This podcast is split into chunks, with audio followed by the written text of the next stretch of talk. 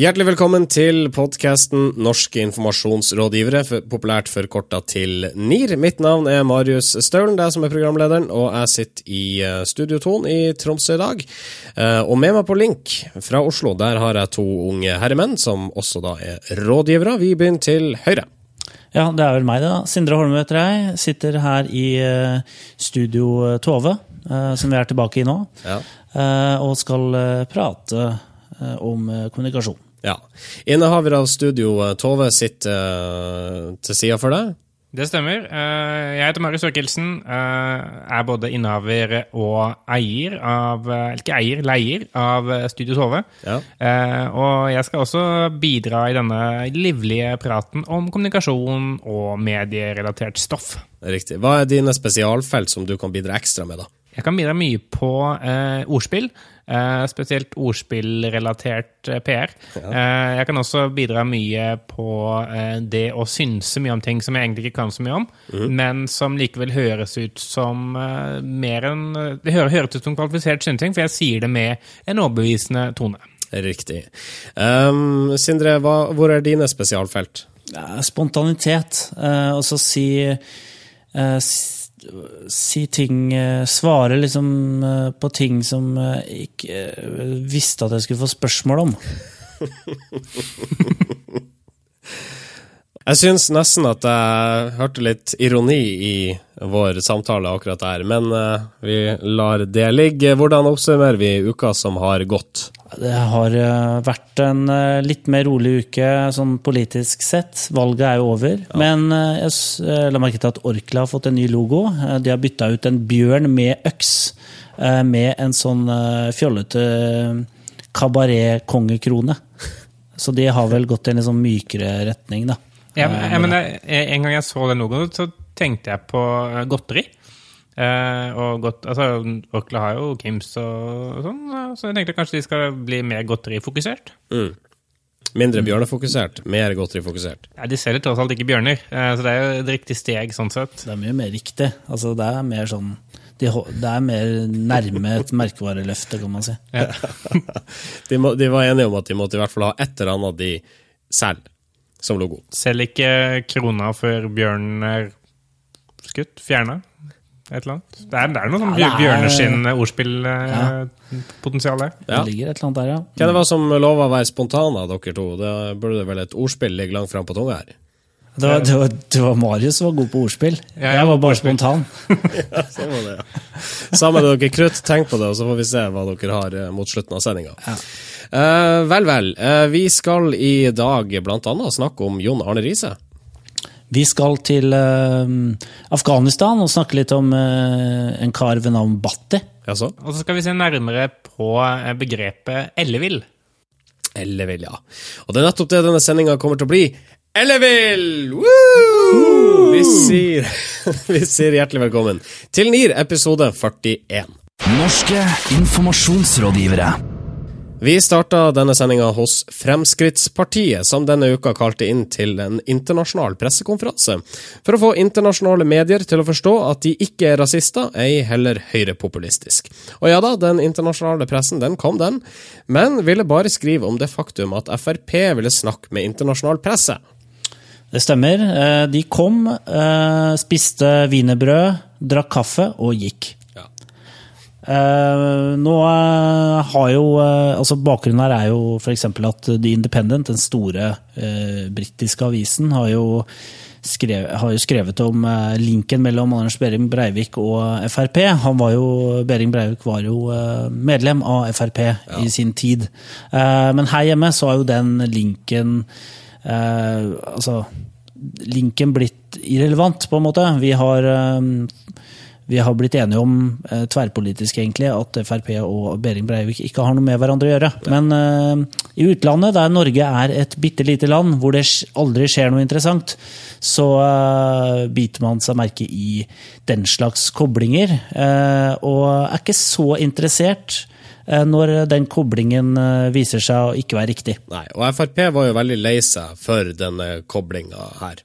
Ja, og det er jo veldig forståelig. Sånn, altså, det er jo mye ufint man kan si om Frp, men, men at de skal eh, få skylden for 22.07, det, det er jo dratt litt langt. Eh, men altså, det, det, som skal sies, er jo at det er jo helt åpenbart, også, det har man jo sett nå i valgkampen, at Frp har bevisst spilt på en del sånn fremmedfrykt og, eh, og, den type holdninger, nettopp for å måtte få en, en stemme i, i, i debatten. Eh, og det virker som nå så blir de liksom konfrontert med den type holdninger, og da vil de ikke helt erkjenne at de har dem lenger. Men jeg stopper det der. Er det ikke slik at Frp har tona dette med innvandringsspørsmålet ganske kraftig ned gjennom hele debatten? Har det ikke mer vært snakk om økonomiske spørsmål og eldreomsorg fra det holdet? Eh, jo, eh, kanskje i måte, det offentlige ordskiftet, men eh, en annen ting de også har gjort, er jo De hadde, bl.a. en bannerannonse på VG-nett eh, som måtte lå gjennom august og, og, september. og Da var det bilde av en, eh, en, dame i måtte, heldekkende sånn nikab, eh, hvor det sto 'strengere innvandringspolitikk' eh, med røde bokstaver på svart bakgrunn. Det er sånn det er åpenbart måte, det å spille på måte, fremmedfrykt og den type holdninger. Mm. Det ligner jo veldig på et uh, virkemiddel som Sverigedemokraterna har brukt mye. De har brukt også det eh, burka som et sånn skremmebilde på hvordan samfunnet kan bli hvis man ikke stopper innvandringen. Mm. Men det som Frp blir konfrontert med nå, det er vel det de selv kanskje internt vil kalle for Eh, løsrevne utspill. Eh, og nå er det jo sånn at alle de soloutspillene blir jo satt sammen i, et system. Eller, eller alle de soloutspillene danner jo nå et sånt image for eh, partiet utad. Og det er jo det som på en måte har innhenta de her nå. Men Eh, det som Frp gjorde i forkant av pressekonferansen, syns jeg var en liten genistrek. For de fikk med Frank Aarebrot, som er Norges kanskje mest respekterte eh, valgforsker. Eh, og han er jo Arbeiderpartimann, og han sitter jo da på pressekonferansen og sier at det er stor forskjell på, på Sannfinnarna, som er det, svenske, finske høyreekstreme partiet, og Sverigedemokraterna og sier at det er ikke norske Fremskrittspartiet har en helt annen arv, og det handler om skatter og avgifter, og at det er det, eh, det som var de politiske spørsmålene som partiet er tufta på. En ganske overraskende allianse der, der Frank Aarebrot og Frp? Ja, altså Han sier jo at uh, Aarebrot selv sier at det er ikke noe allianse. Det er Han føler som sin plikt som forsker å på en måte Uh, unngå at det spres feilinformasjon, uh, sier han. Men mm. jeg syns det er et ja, er merkelig det, er litt merkelig. Det er ikke hans er plikt. Jeg forstår ikke helt det. Sånn, er det ikke en forskers uh, plikt å avdekke det som er sant? Jo, men, men, det er jo ikke nødvendigvis det som er sant. Altså fordi altså, Hva som er uh, høyrepopulisme, for å ta, ta, det begrepet, det kan jo på en måte defineres uh, ut ifra uh, hva den faktisk sånn, samfunnsmessige betydningen av det er. Men det kan også de, de, defineres ut ifra hva det politiske landskapet i det landet man er i, uh, er. Og så uh, er det en del poenger som det er rart at han likevel kan forsvare, som for, for eksempel det at han Ketil Solvik-Olsen han, han, han, refererte til seg selv som en, som en mer en republikaner uh, enn en, uh, altså i et sånt amerikansk landskap, uh, som en, middels uh, republikaner. Men, men, samtidig så vet man jo at i 2010 så inviterte uh, Frp da denne Tea Party-bevegelsen til sitt landsmøte. og Eh, Tea Party-bevegelsen er altså den som måtte ligge lengst ute til høyre i det amerikanske politiske landskapet igjen, som allerede er sånn skjevt mot høyre. Mm. Så det er en del sånn historie som man måtte overser da, gjennom å ta en sånn der forsvarende rolle av Frp. Så jeg syns ikke Frank Aarebrot eh, forvalter en objektiv sannhet om hva måtte, Frp står for. Ok, jeg, jeg, tror vi skal la Frank Aarebrot være uh, borte fra diskusjonen nå videre. Hvis vi ser det fra et sånn PR-perspektiv, da. Hva kunne Frp ha gjort annerledes her, hvis de følte et behov for å nyansere det bildet som er tegna av dem i utenlandspresse? Jeg, jeg, jeg, lurer jo litt på om eh, det egentlig var utenlandsk presse som var målet med å gjøre dette. For altså, eh, hvis det var målet, så har de i hvert fall ikke nådd det. fordi de som det kom aller flest av, var en norsk presse som syntes det var litt stort at Frp hadde en utenlandsk eller internasjonal pressekonferanse. Ja. Eh, og for, måte, de kom for å spørre om eh, hvor journalistene var fra. Sånn Hello, where are you from? Intervjuer journalistene. Ja, men så, så vi, vi visste at det var 90% nordmenn der. Altså når de intervjua sikkert på andre da, norske journalister på engelsk, helt til de fant ut at de begge var norske. Eh, Eh, Nei, altså jeg tror som uh, Marius sier, jeg tror ikke målet her var å kunne kringkaste til hele verden at Frp er et ansvarlig, liberal, konservativt parti. Men hva var målet da? Nei, jeg tror målet var eh, Jeg, jeg tror jeg, en, et, et lite snev av panikk, eh, tror jeg. eh, For å miste helt kontroll over eh, sitt eget selvbilde, eller hvordan folk oppfatter det. Og så tror jeg det handler om å, å, å få en fin anledning til å kunne streite seg opp overfor sine politiske alliansepartnere. alliansepartnere. Skal vi prøve oss på en eh, tommel opp eller tommel ned til Frp for, sin internasjonale, for deres internasjonale pressekonferanse? Jeg det er litt frista til å gi tommel ned, for jeg syns ikke det fungerte helt. Jeg tror heller ikke det var riktig ressursbruk sånn uh, Kall det kommunikasjonsmessig. uh, hvis det der var uh, utenlandspresse som var målet. Jeg, jeg tror for Frp sin del, som, så hvis de trodde at det her skulle gi dem en kjapp gevinst, så tror jeg det var naivt. Eh, for jeg, tror at de må ta tiden til hjelp. Så det blir da Ja, og vise gjennom praktisk politikk at, eh, ting, at de ikke mener det de har ment tidligere. Så eh, tommel ned på en måte. Samtidig så er det taktisk sett med å få med Frank Aarebrot eh, til å tale deres sak i en pressekonferanse, Ja. så er det eh, stor tommel opp, egentlig. Så Det blir både tommel opp og tommel ned fra deg, da. ja, litt sånn Tourettes-tommel. Norske informasjonsrådgivere. Vi holder oss på FrPs pressekonferanse noen minutter til. Frp vil altså snakke med internasjonale medier for å balansere bildet av partiet som høyrepopulistisk, og samtidig ta avstand til Anders Behring Breivik. En annen ting som prega mediebildet i etterkant, eh, det var Ketil Solvik-Olsens innrømmelse om at FrPs tidligere bruk av begrepet snikislamisering var noe uheldig. Eh, På den måten så la han seg kanskje litt flat, noe Arbeiderpartiet i etterkant har slått politisk mynt på. Jens Stoltenberg har bl.a. vært ute og krevd at Siv Jensen nå må si unnskyld for ordbruken på norsk også. Ja, og, og det har, har hun jo ikke spesielt lyst til. Eh, for det sa hun at det ville hun ikke beklage, men eh, det som er veldig interessant med akkurat det der, er det at dette her kan komme til å se mye av fremover. Eh, Frp, som Sindre var inne på i stad, har jo måtte, vært preget av veldig mange personer som har kommet med utspill som må stå litt for egen regning, men som, fremdeles eh, har eh, altså Det er utspill som har grobunn i det partiet de representerer. Da.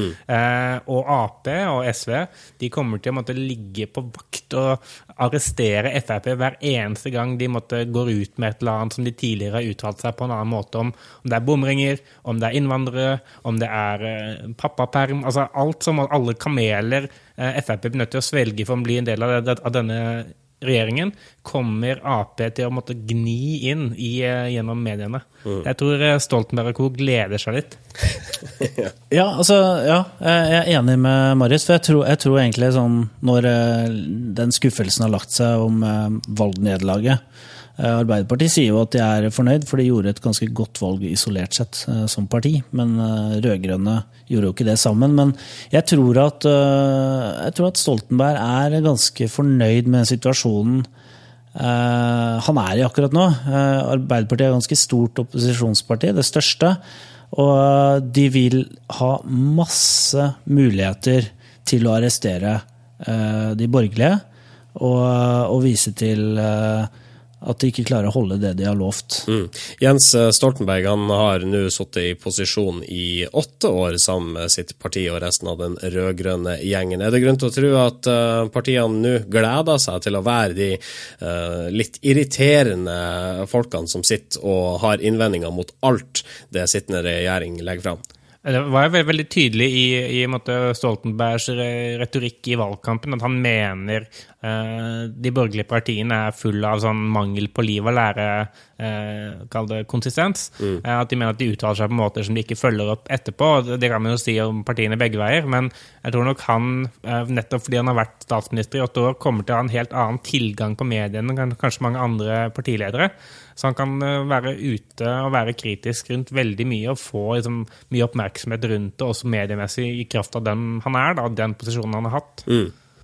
Så det blir kjipt å være Erna Solberg og uh, Siv Jensen, i alle fall. Spesielt skikjipt å være Siv Jensen de neste årene. eh, Altså, Med mindre de finner en smart måte å kontre det på. da. Nå er det jo sånn eh, i, i den regjeringen vi har hatt, den rød-grønne, så har jo eh, alle partiene hatt sine eh, De har kjørt to strategier, eh, alle partiene. Altså De har jo hatt én strategi for å holde, eh, holde laget samla internt, og så har de hatt eh, noen politikere som går på utsiden og kritiserer eh, standpunkter. F.eks. Senterpartiet har hatt eh, Per Olav Lundteigen som, som har kritisert Arbeiderpartiet i veldig veldig mange forskjellige saker, mens Senterpartiet har sittet i regjering med dem. Mm. og Frp vil jo også komme til å innta den posisjonen der. De kommer til å ha sine folk som kommer til å kritisere regjeringens politikk, samtidig som de er med på å um, svelge kameler.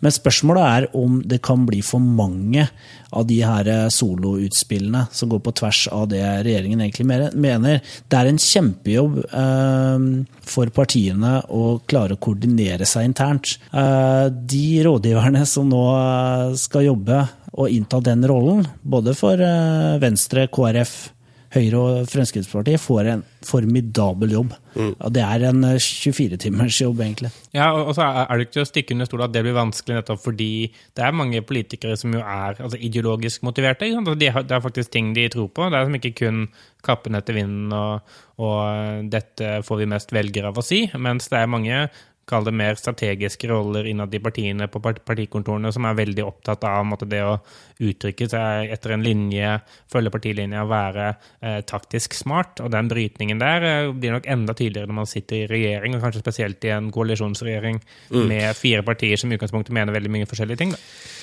Hva, nå har vi allerede gitt en tommel opp eller tommel ned for uh, Frp. Eh, Hva tomler vi for her? Jeg tomler egentlig litt opp, eh, mest fordi jeg tror det blir underholdende. Tommel opp for underholdninga de neste fire årene. ja, jeg gleder meg. Altså. Absolutt. Mm. Og så blir det sprit i butikk. Da blir det vinn-vinn. Norske informasjonsrådgivere. Vi skal snakke om fotballspilleren Jon Arne Riise. Han skal gifte seg snart. Gratulerer eh, med det. Neste sommer får Riise eh, sin Louise Angelica Markussen. Eh, Det meste rundt selve bryllupet er hemmelig, eller i hvert fall ikke kjent. Men én ting har blitt klart. Jon Arne Riise har solgt medierettighetene til- bryllupet til spillselskapet Betson, som han er ambassadør for. Det er litt spesielt, eh, og det er jo derfor vi vil snakke om det. Eh, Ja. Det å selge bryllupet sitt til Se og Hør eller Her og Nå eller VG eller Allers, you, you name it, eh, er ikke så veldig uvanlig. Eh, Det er jo ofte for å, for å sikre en viss kontroll eh, over hva som kommer ut. ofte. Pluss at du får penger for det. Pluss at du får en del penger for det. Det som er uvanlig her, er at spillselskapet får medierettigheter, på en måte. Og de sier jo selv at de gjør dette for å kunne fortelle nyheter om sine ambassadører først. Og for å kunne være den første som er ute og forteller det. Men den som er interessert i sladder om Jarise og hans uh, vordende fru, uh, er det virkelig Betson de klikka seg inn på? Det er jo i utgangspunktet ikke det. Uh, Men vi har jo snakka om den derre content marketing, innholdsmarkedsføringstrenden tidligere. Og det, det vi lurer litt på, er, er dette en ny form for innholdsmarkedsføring? Det, skal Betson eh, eh, bygge seg opp som et mediehus, i tillegg til å eh, være en spillaktør? Ja, Mediehuset og spillselskapet Betson. Og så er det jo en del rare formuleringer i den VG-artikkelen som omhandler dette, dette bryllupet og denne saken. Eh, Det står helt øverst i saken at Risa satt bort jobben med å håndtere media til Betson. Eh, og da høres det ut som de skal måtte være en form for liksom, PR-hjelp til han. Eh, lenger ned så står det det at eh, altså Betson blir spurt om hvorfor da de har kjøpt dette, her, og så sier de at eh, jo, altså bryllup til, til uh, Riise er mye mer enn bare vielsen. Det vil være masse kjendiser til stede, og det er interessant. Så bare, jo, det er det jo. Eh, og så spør VG betyr det at pressen ikke får lov å dekke bryllupet. Og så sier da hun Melkvist, som er PR-manager i Betson, at jeg antar at mediene kan dekke vielsen, vi har ikke tenkt å opprette et vakthold. Uh, og, og, og da tenker jeg bare sånn Hva, Hva er er, det egentlig da? Jo, nei, fordi De sier at de har en publiseringsstrategi, da, men de vil ikke gå ut med disse detaljene. Så jeg ser for meg sånn uh, Det kommer til å være mye saker i forkant da, til, til, til for Betson.no. Kanskje du kan vedde på forskjellige ting. Sånn, kommer uh, Riise til å ha på seg en Crazy Moods of Norway-dress, eller en Det vet jo de på forhånd, da. Da har jo de en kjempe-edge. Vil du ha stolt på et bettingselskap som sponser bryllupet de utdeler odds i? Uh, nei, jeg vil ikke stole på bettingselskap uansett. Eh, Jeg vil heller ikke vedde på et bryllup. Men jeg, jeg ser for meg at kanskje, kanskje man kan vedde på hvilke kjendisgjester som kommer. Kommer Alexander Rybak til å spille I'm in love with a fairytale? Eh, eller kommer Jan Gunnar Solli til å være DJ på festen etterpå? Det er mye, mye ting man kan spille på her. da. Ja, altså det, det er mye man kan spille på, absolutt. og man kan jo, altså Risa har jo vært gift to ganger før, så man kan jo også spille på om bryllupet kommer til å holde. Men det er klart det er et litt sånn lengre perspektiv, muligens, da, på et sånn uh, spill.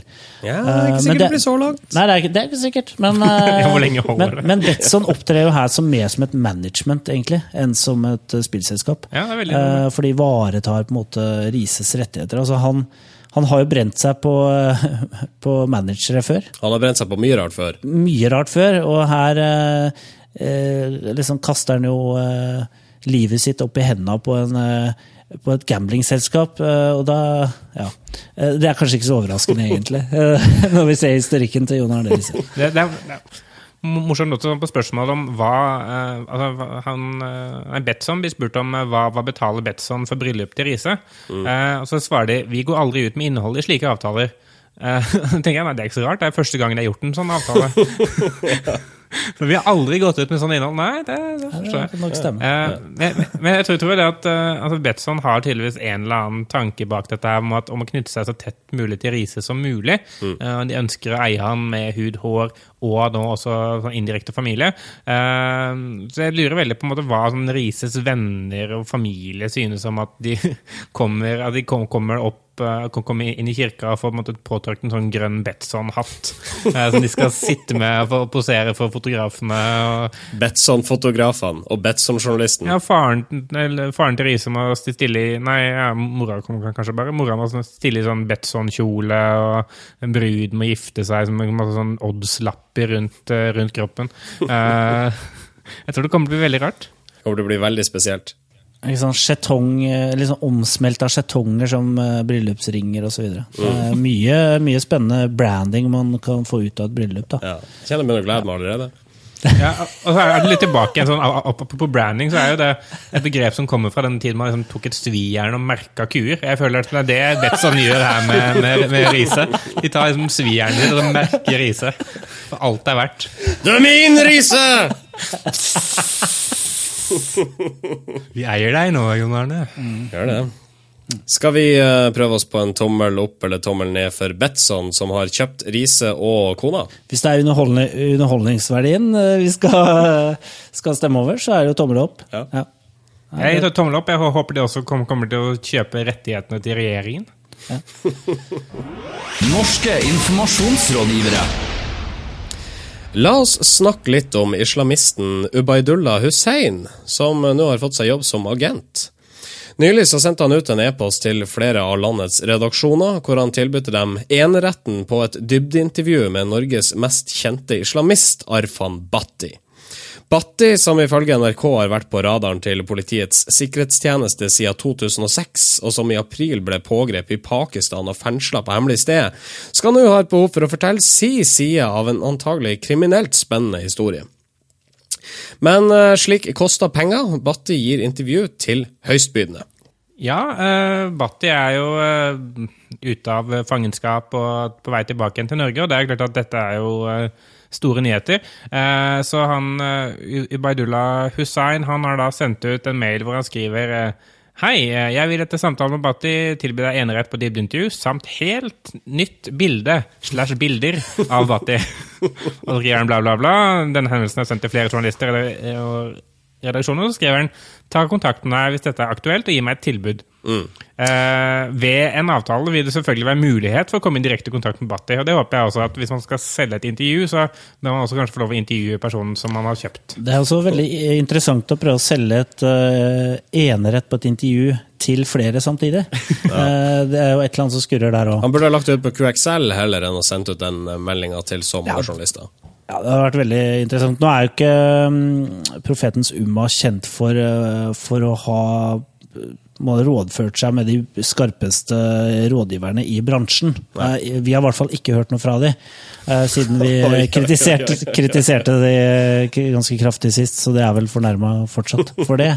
Eh, De holdt jo en pressekonferanse som så litt sånn stusslig ut for noen måneder siden. Lurer på hvor mye det kosta å delta der. Ja, hvordan, var den, hvordan kjøpte man den eksklu- eksklusiviteten der? Ja. Kan vi eh, spekulere litt i hvor mye uh, PR-rådgiver Ubaydullah uh, tror han skal få av det her? Hvor Nei, mye er et intervju med Arfan Bhatti verdt? Jeg, jeg ser jo for meg sånn der, eh, en forside med eh, bak fasaden eh, med Arfan Bhatti. eh, At det måtte, er noe som ville solgt mye aviser. Eh, Hvis man måtte ha enerett på, det, så er sikkert det verdt noen titusener med cash. Kanskje til og med mer. Og jeg syns jo det er Uh, altså Jeg ville ikke betalt så mye for uh, selve intervjuet, men jeg ville betalt sikkert uh, litt bare for liksom, kan, Kanskje han også kan gjøre andre ting, tenker jeg. Så han kan komme hjem til deg, rydde.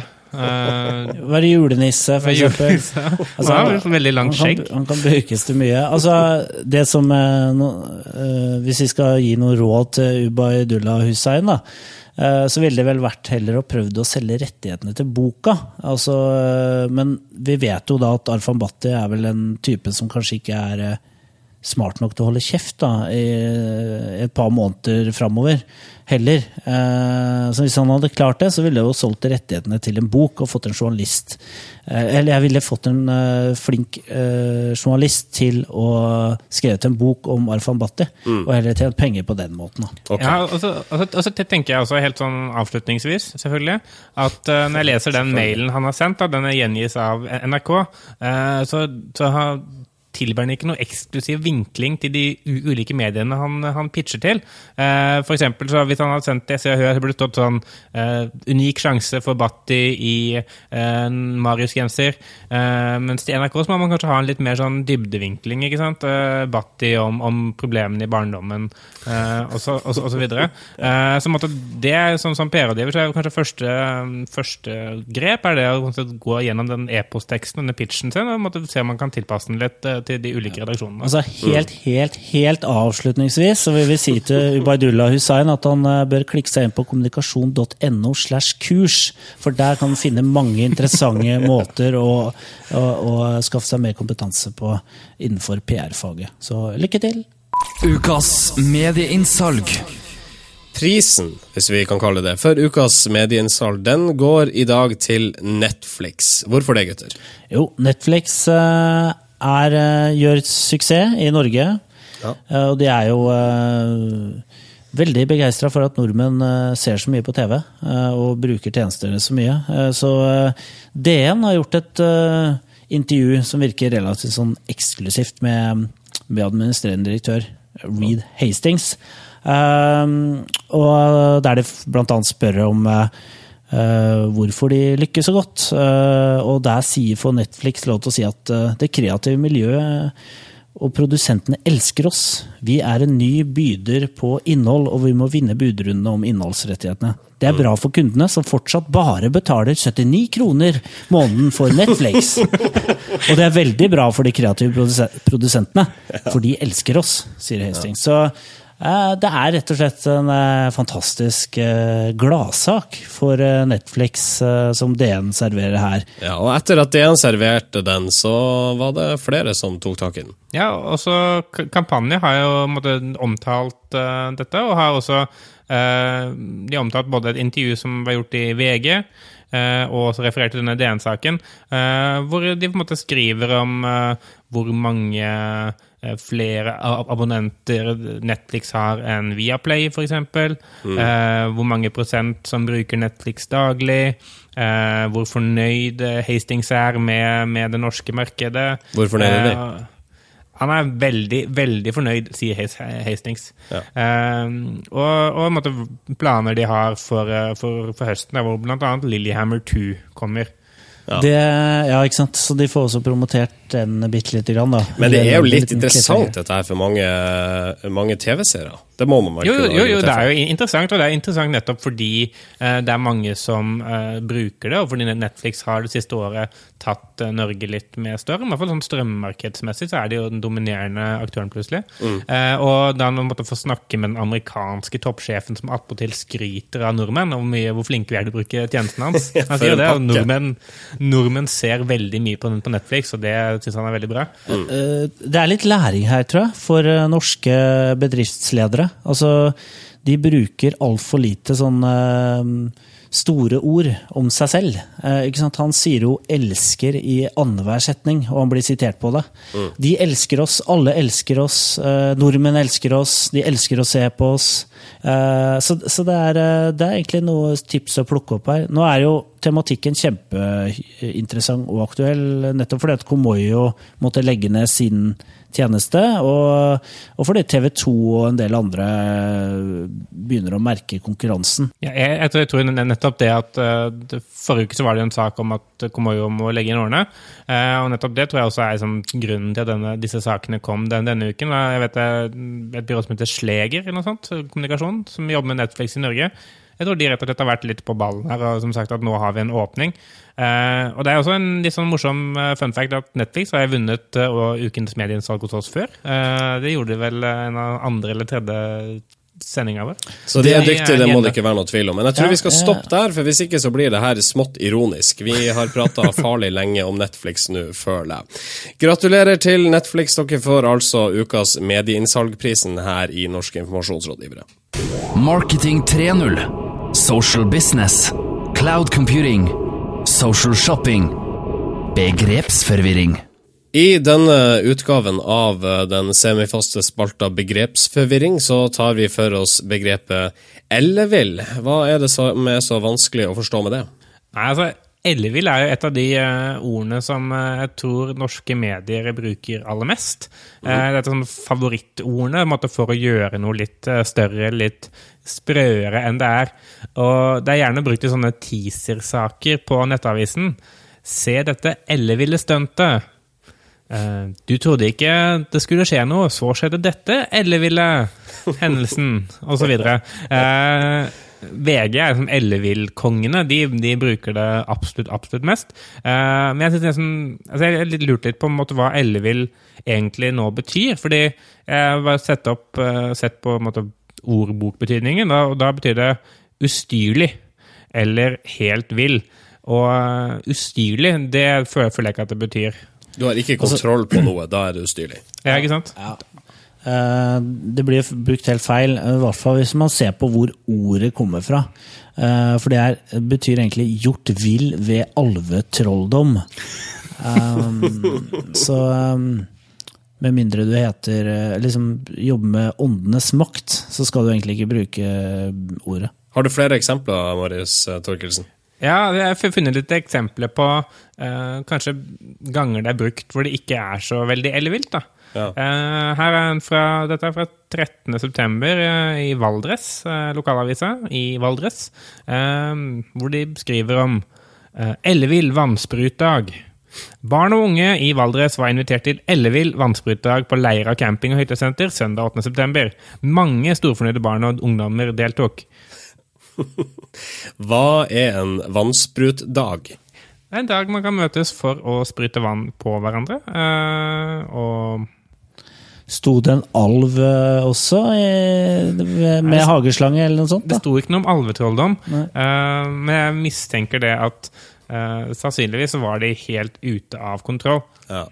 Så dette er nesten en sånn ikke gjør dette crossover vi tar nå. Eh, Det er rett og slett en anmodning om å kutte ned på bruken. Nei, det er bare om å bruke det riktig, da. Eh, Jeg tror, det som vi har vært litt inne på før, også med, med mediene, at eh, man bruker ofte mye verb og måte, sterke ord for å eh, få saker til å virke større enn de er. Men det man egentlig gjør, er bare måtte, å devaluere betydningen av ordet. Så hvis måtte, man vil at Ellevill skal ha den magiske tiltrekningskraften det har på oss lesere, så må man ikke overbruke det, da. Men når er det riktig å bruke det, da? Kan du gi et eksempel from top of your head, you creative genius? Jeg, jeg ville kanskje anmode til å bruke det når eh, det skjer sånn Altså når det skjer fullstendig ukontrollerte ting, da. Eh, enten altså, i en sportssammenheng, så når det skjer eh, altså, fotballkamper som da av en eller annen grunn ender opp med å bli noe helt annet enn det man forventa, eh, og eh, barn som gjør eh, triks som man ikke skulle tro de kunne klare, eh, osv. Si- Situasjoner som er veldig mye mindre kontrollert enn det man kanskje kunne forvente. Da. Ok, fotballkamper utenfor dommerens kontroll, og barn som gjør elleville triks. Um, da skal vi avrunde begrepsforvirringsspalta, tror jeg.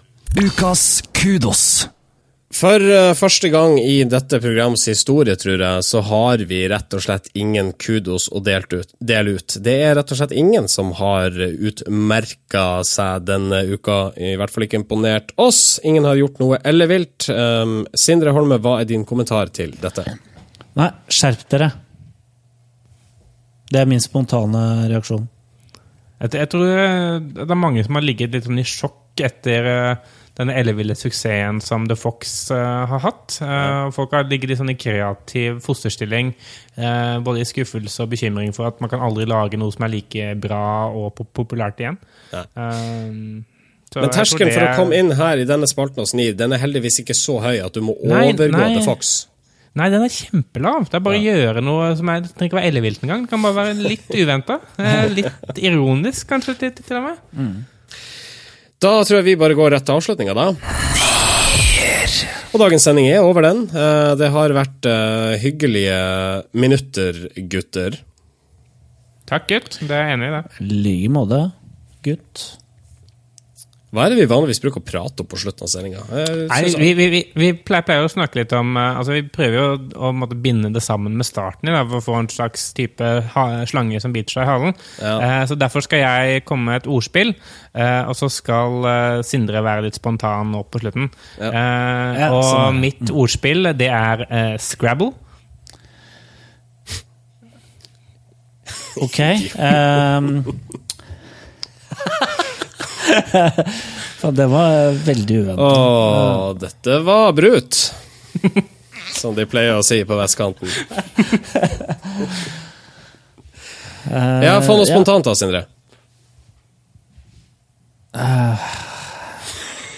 Det, det var vel egentlig Det er for seint. Jeg tror vi skal bare avslutte denne sendinga ved å si, eller u, ved å levere ut noe praktisk informasjon. Eh, Lik oss gjerne på Facebook. Facebook.com slash Nearcast. Der finner du oss. Send oss gjerne en mail på nearcast.jaho.com. Og du kan jo lytte til oss til, på, i, i iTunes, eh, men du kan også høre på oss på soundcloud.com slash nearcast. Ja. Og du kan snakke om Nearcast på Twitter ved å bruke hashtaggen Nearcast, Near eller PR-podkast. De siste to der fant du på. Ja. Ja. Jeg sitter egentlig mest og venter på spontaniteten til Sindre, men jeg skjønner at den aldri kommer. eh, Sindre så tenker da så det knaker. Altså, det er umulig å være spontan på bestilling. Det må du forstå, håper jeg. Det er greit, det. Mitt navn er Marius Staulen. Jeg heter Marius Torkelsen. Sindre Holme. Der hadde du enda en mulighet, men det er greit. Ha en fortsatt fin dag. Farvel. Norske informasjonsrådgivere.